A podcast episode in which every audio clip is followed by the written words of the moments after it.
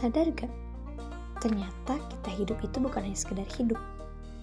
Kita bernapas pun bukan hanya menghirup oksigen kemudian mengeluarkan karbon dioksida.